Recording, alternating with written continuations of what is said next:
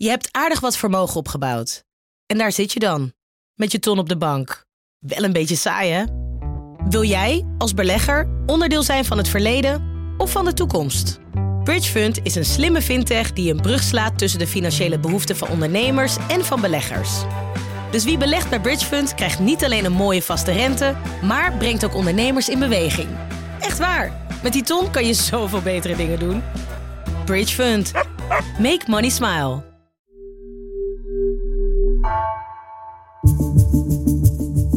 Vanaf de redactie van NRC het verhaal van vandaag. Mijn naam is Egbert Kalsen.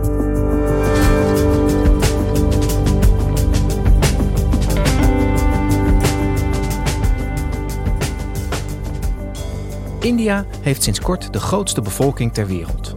Tenminste, als de cijfers die uit dat land komen kloppen. Maar daar zit het probleem, want de huidige regering heeft het niet zo op cijfers. Correspondent Lisa Dupuy ziet welke gevolgen dat heeft. Niet alleen voor de statistieken, maar ook voor het welzijn van de inwoners.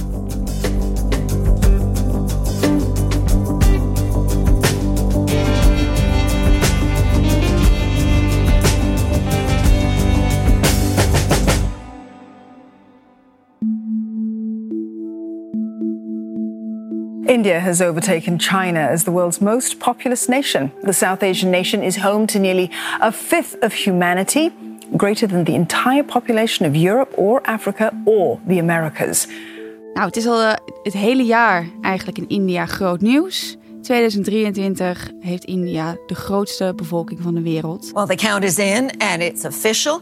India has now surpassed China as the world's most populous country. Ze gaan daarmee zelfs China voorbij met ruim 1,4 miljard inwoners. As of this weekend, India's population will have reached just over 1.4 billion. Not only matching, but overtaking China. Dat is echt een enorm aantal natuurlijk. Zoals we ook wel het clichébeeld hebben, een beetje van India misschien. Altijd druk. Maar daar viel me wel een beetje op dat die cijfers niet heel erg specifiek zijn. Heel technisch, bevolkingsgroei, vruchtbaarheidscijfers. Maar ik vroeg me eigenlijk vooral af: wat weten we van deze bevolking? Weten we hoe het gaat? En kennen we haar wel echt? Dat nieuwsfeit over het inwonersaantal, dat was voor mij eigenlijk de aanleiding om eens te gaan kijken hoe gaat India om met haar data en de statistieken. Want eigenlijk is sinds mijn aankomst in New Delhi mij opgevallen dat de regering van premier Narendra Modi niet echt happig lijkt op al te veel statistiek. Ja, Lisa, jij bent uh, onze correspondent in India. Je bent nu even hier eh, in Nederland en daarom zit je tegenover mij in de studio. Wat is jou precies opgevallen als het gaat over de houding van Modi en zijn regering als het over data gaat? Nou, ik kwam anderhalf jaar geleden in New Delhi aan. Dat was het staartje van de COVID-pandemie. En kort na mijn aankomst kwam de Wereldgezondheidsorganisatie uit met een rapport over eh, het sterftecijfer van India. En hun conclusie over het aantal doden lag flink hoger. Echt tot wel tien keer hoger dan de cijfers die de regering zelf hanteert. The World Health Organization has put out a report today saying that India's COVID deaths were the highest in the world. The WHO report says that about 47 lakh people died in India, which is nearly 10 times higher than official records suggest. The government of India, however, has rejected this report. It has questioned the methodology. Wat ik me nog goed herinner is dat de regering totaal in de tegengas ging. Echt ontzettend felle kritiek had op de WHO. En ook in de maanden daarna, eigenlijk tot aan nu, is me blijven opvallen cijfers en beleid. Dat is in India soms een lastige combinatie. Eerder dit jaar kwam de World Hunger Index uit. Dat is een jaarlijkse rangschikking of een jaarlijkse lijst die gaat over eh, de problemen met ondervoeding en armoede in de wereld. En in die rangschikking stond India op plek 107 van de 121 landen.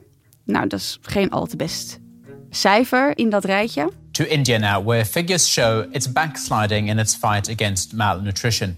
The newly released World Hunger Index now places India behind its neighbors, including Bangladesh, Sri Lanka and Myanmar. Nou, dan kan je als regering denken, nou goed, eh, een club in Washington of een club in Genève, die heeft weer iets uitgezocht. Die komen met hun eigen lijstje, moeten ze zelf weten. Of je denkt, hmm, nou, dat, dat, dat is een vervelend cijfer. even kijken wat we daarmee kunnen. Maar de regering van Modi die doet geen van beide. Die gaan keihard in de tegenaanval. The Indian government had rejected the Global Hunger Index report, calling it erroneous, biased and disconnected from ground reality. Dus uh, de ranking klopt niet, de criteria slaan nergens op. En al met al is een dergelijk rapport vooral bedoeld, volgens deze regering, om India in een kwaad daglicht te stellen. Dus eigenlijk tussen die WHO-ruzie en die World Hunger Index, de manier waarop dit werd ontvangen, is de vraag bij mij ontstaan: hoe gaat de regering van Modi eigenlijk zelf om met statistiek? Wat maakt dat zij daar zo boos van worden als slechtere cijfers naar buiten komen? En nou, dan heeft India misschien wel het grootste inwoneraantal van de wereld, maar mogen we eigenlijk wel weten hoe het met hen gaat? De Indiaanse regering die heeft het dus niet zo op uh, data en statistieken. Zeker niet als die uh, van buiten komen, als ik jou uh, goed begrijp.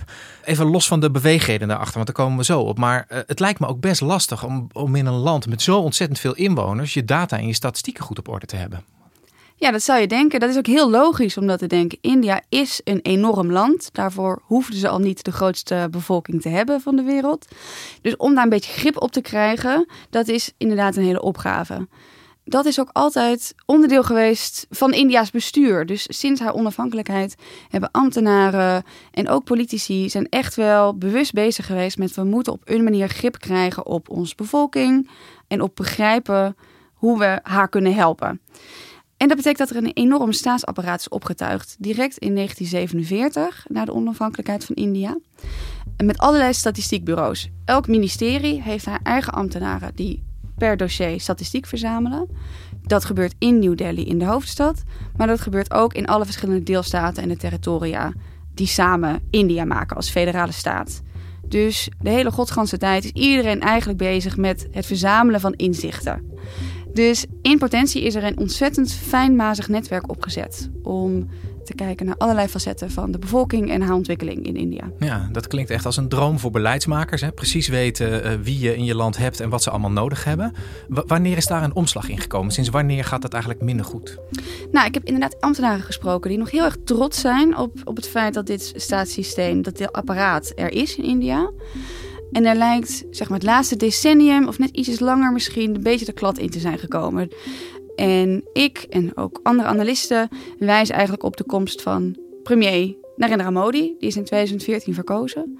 En het lijkt toch wel dat met hem het beschikbare geld, als ook de waardering voor uh, data en wat die kunnen betekenen voor beleid, die is verschoven. Dat is echt duidelijk verminderd. Bijvoorbeeld de tienjaarlijkse volkstelling, dus de census. Dat is een fysieke telling. Ambtenaren in het hele land proberen bij zoveel mogelijk huizen aan te bellen. En nemen dezelfde vragenlijst overal af. Om te kijken hoe gezinnen in elkaar zitten, hoe het gaat met hun volksgezondheid. En de laatste editie daarvan, die had eigenlijk in 2021 hernieuwd moeten worden. Dus hadden nieuwe cijfers naar buiten moeten komen. En dat is niet gebeurd. En dat is nog altijd niet gebeurd. Dus we hebben echt te maken met verouderde cijfers. 2021 was natuurlijk nog een COVID-jaar. Dus toen werd er vanuit overheidswegen gezegd: we kunnen niet mensen langs de deuren sturen. Nu in 2023 zeggen commentatoren toch: die pandemie, dat is toch geen gegronde reden meer om de volkstelling niet plaats te laten vinden. Dus daar zitten we echt met een gat en een gemis aan kennis. Ja, dus we weten eigenlijk niet eens hoeveel inwoners India heeft. Wat is nou het gevolg van dat gat aan kennis? Nou, die volkstelling die hoort informatie op te leveren van allerlei facetten. Bijstand, sociale dienst, onderwijs. Als die informatie niet up-to-date is, dan heb je dus geen idee eigenlijk waar je moet zijn om mensen nog hulp te bieden. Is niet duidelijk hoe het economisch vergaat, of de middenklasse of de lagere klasse, hoe die ervoor staan. En dus zijn sociaal werkers eigenlijk echt bang dat zij dus mensen mislopen die ze eigenlijk heel goed zouden kunnen helpen met overheidsprojecten of andere maatschappelijke bijstand. Ja, en, en heb jij enig idee waarom de regering ervoor kiest om niet alsnog bijvoorbeeld die census nu te gaan doen en die informatie alsnog te verzamelen? Nou, daar wordt uh, flink over gespeculeerd. Kijk, COVID, daarvan weten we allemaal. Die pandemie heeft ervoor gezorgd dat India toch een aantal stappen terug heeft gedaan. Veel mensen zijn ziek geweest. De economie heeft echt flink stilgelegen. Dus het zou kunnen zijn dat er nare of negatieve cijfers uit voortkomen. Daar komt bij dat we richting een verkiezingsjaar gaan. Volgend jaar gaan de Indiërs voor de landelijke verkiezingen naar de stembus. En in India hangen politiek en demografie op een bijzondere manier met elkaar samen. Dus bepaalde bevolkingsgroepen hebben bepaalde rechten, kunnen op verschillende bijstand bijvoorbeeld aanspraak maken. En het vermoeden heerst wel dat Modi, premier Modi, eigenlijk bang is voor wat de resultaten zouden laten zien over zijn electoraat. En dan zou zijn verkiezingsverhaal en zijn ideologie misschien niet meer zo goed aansluiten bij wat we cijfermatig zouden kunnen aantonen over zijn bevolking. En is Modi dus eigenlijk bang dat die cijfers hem, hem dwars zouden kunnen zitten? Ja, dus als die tellingen de effecten van COVID laten zien, dan zouden we misschien kunnen concluderen dat zijn COVID-beleid niet zo effectief was. En dat kunnen we ook breder trekken. Dus als je geen data hebt, kan het beleid en de effecten van je beleid ook minder goed worden gecontroleerd. Houding van de regering Modi ten opzichte van data, heeft dat nou ook internationale gevolgen voor India? Ja, ik denk het zeker. Kijk, elke regering staat het natuurlijk vrij om data te kiezen of data te gebruiken. En het is logisch dat je misschien gegevens gebruikt die je zelf ietsjes beter laten uitkomen. Dat zal misschien iedereen doen. Maar wat er nu gebeurt is dat de regering van Modi zoveel kritiek heeft en zo fel is op iedereen die zelf data over India gebruikt, dat dat bijna een onwerkbare situatie oplevert. Bijvoorbeeld voor internationale organisaties die nog wel in India gevestigd zijn. Dus die houding heeft wel echt invloed op NGO's, maatschappelijke clubs. Net als die Indiase ambtenaren gebruiken ook internationale organisaties de Indiase gegevens en statistieken om te bepalen, nou, bij deze bevolkingsgroep en dat deel van het land is onze hulp nodig? Kunnen we echt wat bijdragen? Dus die hebben zich altijd wel gebaseerd op die gedetailleerde, gedegen tellingen en enquêtes van de Indiaanse overheid. Maar wat er nu gebeurt is dat het zoeken naar die gegevens en het trekken van conclusies. Oeh, hey, daar zijn we van nut. Dat wordt eigenlijk gezien door de regering Modi als kritiek hebben. En ook nog eens van een buitenstaander in feite, zo'n internationale organisatie. Dat maakt de situatie bijna onwerkbaar voor sommige van die organisaties. Die kunnen bijna niet meer bepalen waar ze willen inspringen. Ik heb een aantal uh, mensen van grote internationale NGO's gesproken. En die vertellen dat hun werk is nog altijd nodig, want dat zien zij op de grond zoals ik ook zie dat de toiletten niet zijn aangesloten, zien zij ook dat er nog te weinig kinderen naar school gaan op sommige plekken. Of dat op sommige plekken de zorg nog niet helemaal toereikend is. En zij kunnen moeilijk met de overheid in gesprek over jullie eigen cijfers geven aan dat we hier kunnen helpen. Dat zinnetje is al onmogelijk. Ja, want hoe, hoe doen ze dat nu dan? Hoe kunnen zij toch hun, hun werk blijven doen in India? Sommigen die hebben hun verantwoording en hun overleg met de regering gewoon verplaatsen naar achter de schermen.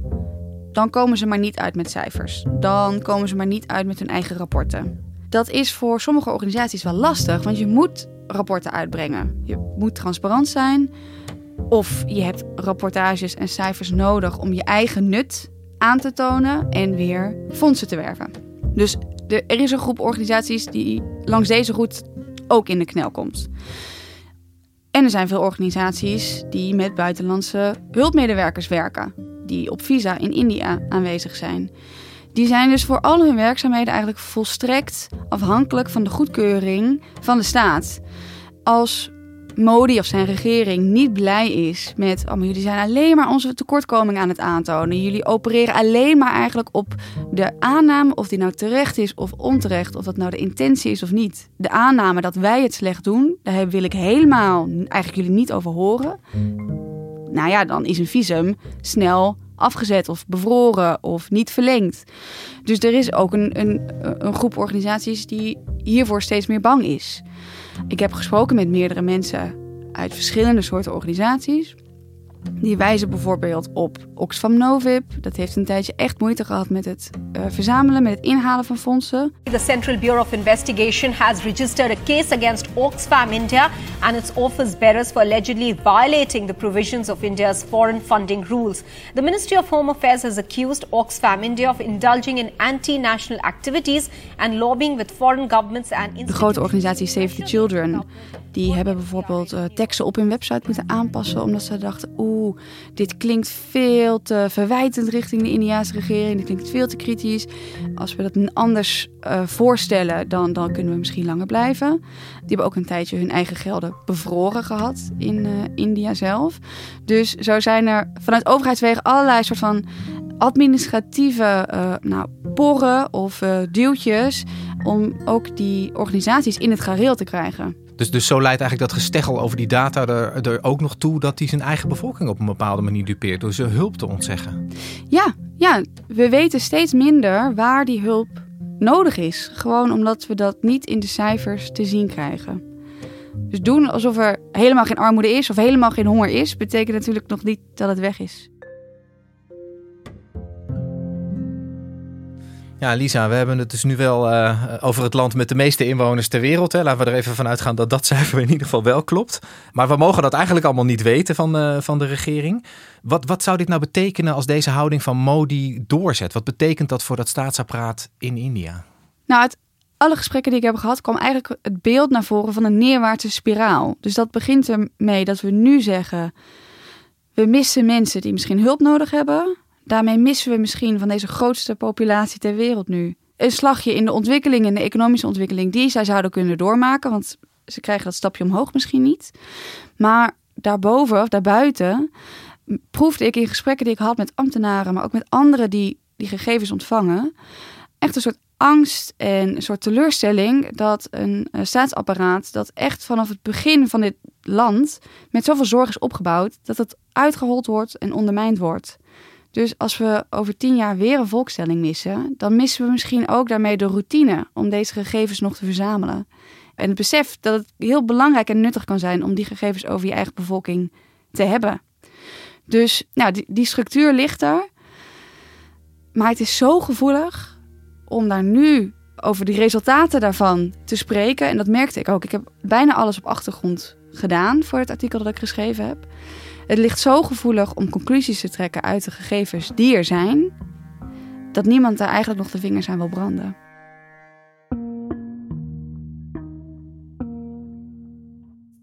Dankjewel, Lisa. Graag gedaan.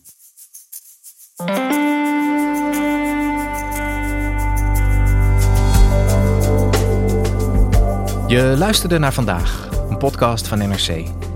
Eén verhaal, elke dag. Deze aflevering werd gemaakt door Anna Korterink en Jeroen Jaspers. Coördinatie Henk Ruigrok van de Werven.